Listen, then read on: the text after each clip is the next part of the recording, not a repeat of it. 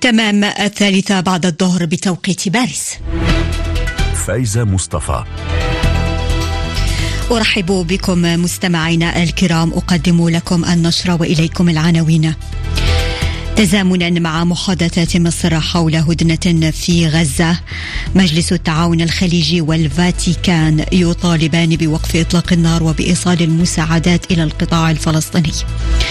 إيطاليا تسقط مسيرة لحوثيين يمنيين في البحر الأحمر والولايات المتحدة تؤكد غرق سفينة في المنطقة البحرية. بلجيكا توقف أربعة شبان يشتبه بتخطيطهم لتنفيذ هجوم إرهابي في البلاد. مونتي كارلو الدولية نشرة الأخبار. يعقد أو نعم يعقد في هذه الأثناء وفد حركة حماس الفلسطينية محادثات مع الوسطاء القطريين والمصريين والأمريكيين في العاصمة المصرية القاهرة بهدف التوصل إلى هدنة جديدة في غزة. فيما نقلت صحيفة داعود أحرانوت عن مصادر تأكيدها عدم مشاركة الوفد الإسرائيلي بسبب ضبابية رد حماس حول المطالب الإسرائيلية بشأن إطلاق سراح الرهائن من المحتجزين في القطاع. أما موقع أكسيوس الإخباري الأمريكي فكشف عن ضغوط يمارسها الرئيس الأمريكي جو بايدن على المفاوضين للوصول إلى اتفاق وقف إطلاق النار مؤقت في غزة قبل حلول رمضان. رهانة مفاوضات الجارية في مصر يتحدث عنها مراسلنا في القاهرة مستجاب عبد الله.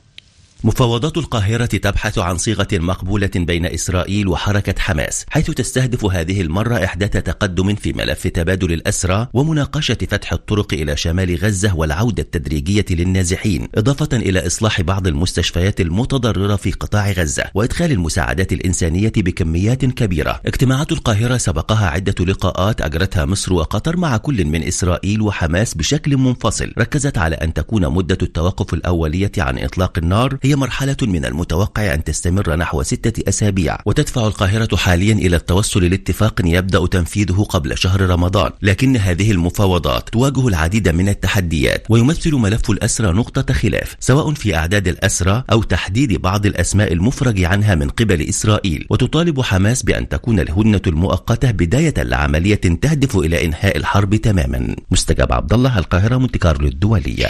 أما وزير الخارجية المصري سامح شكري فقال اليوم خلال مشاركته في اجتماع مجلس التعاون الخليجي في العاصمة السعودية الرياض قال إن ما يجري في غزة مخطط ممنهج لتصفية القضية الفلسطينية محذرا من تداعيات هذه الحرب على أمن المنطقة.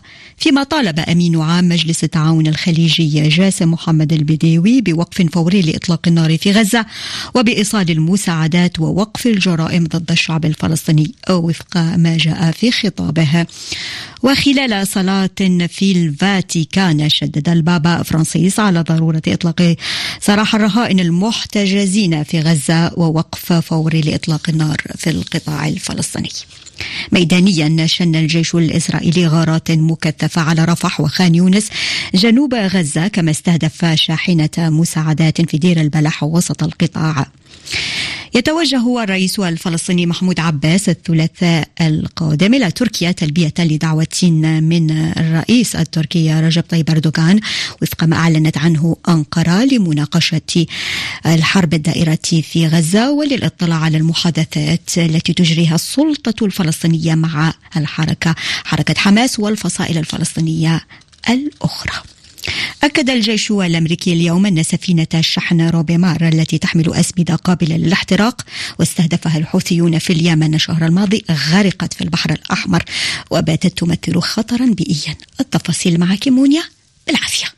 هي أول سفينة تغرق منذ أن بدأ الحوثيون في استهداف السفن التجارية في البحر الأحمر فبعد إعلان الحكومة اليمنية عن غرق السفينة عقب أيام من تعرضها لهجوم بصاروخ باليستي مضاد للسفن أطلقه الحوثيون أكدت القيادة المركزية الأمريكية صحة الخبر. فمنذ أيام تعرضت السفينة روبيمار للهجوم ما تسبب في توقفها وإجلاء طاقمها إلى جيبوتي بينما واصلت المياه تسربها للسفينة. السفينة وسط تحذيرات من الحكومة اليمنية من أن غرقها سيكون كارثيا على البيئة. لكن الشركة البريطانية المالكة لروبيمار واصلت تأكيدها أن وضعها مستقر.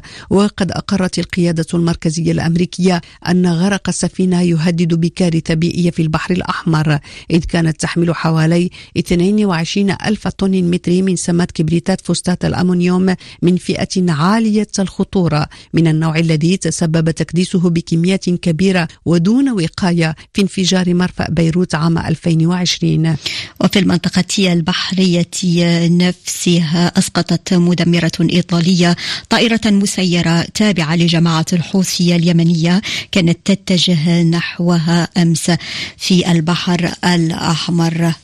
أوقفت الشرطة البلجيكية بالغا وثلاثة قاصرين للاشتباه بتبادلهم رسائل تتعلق بالتخطيط لتنفيذ هجوم إرهابي.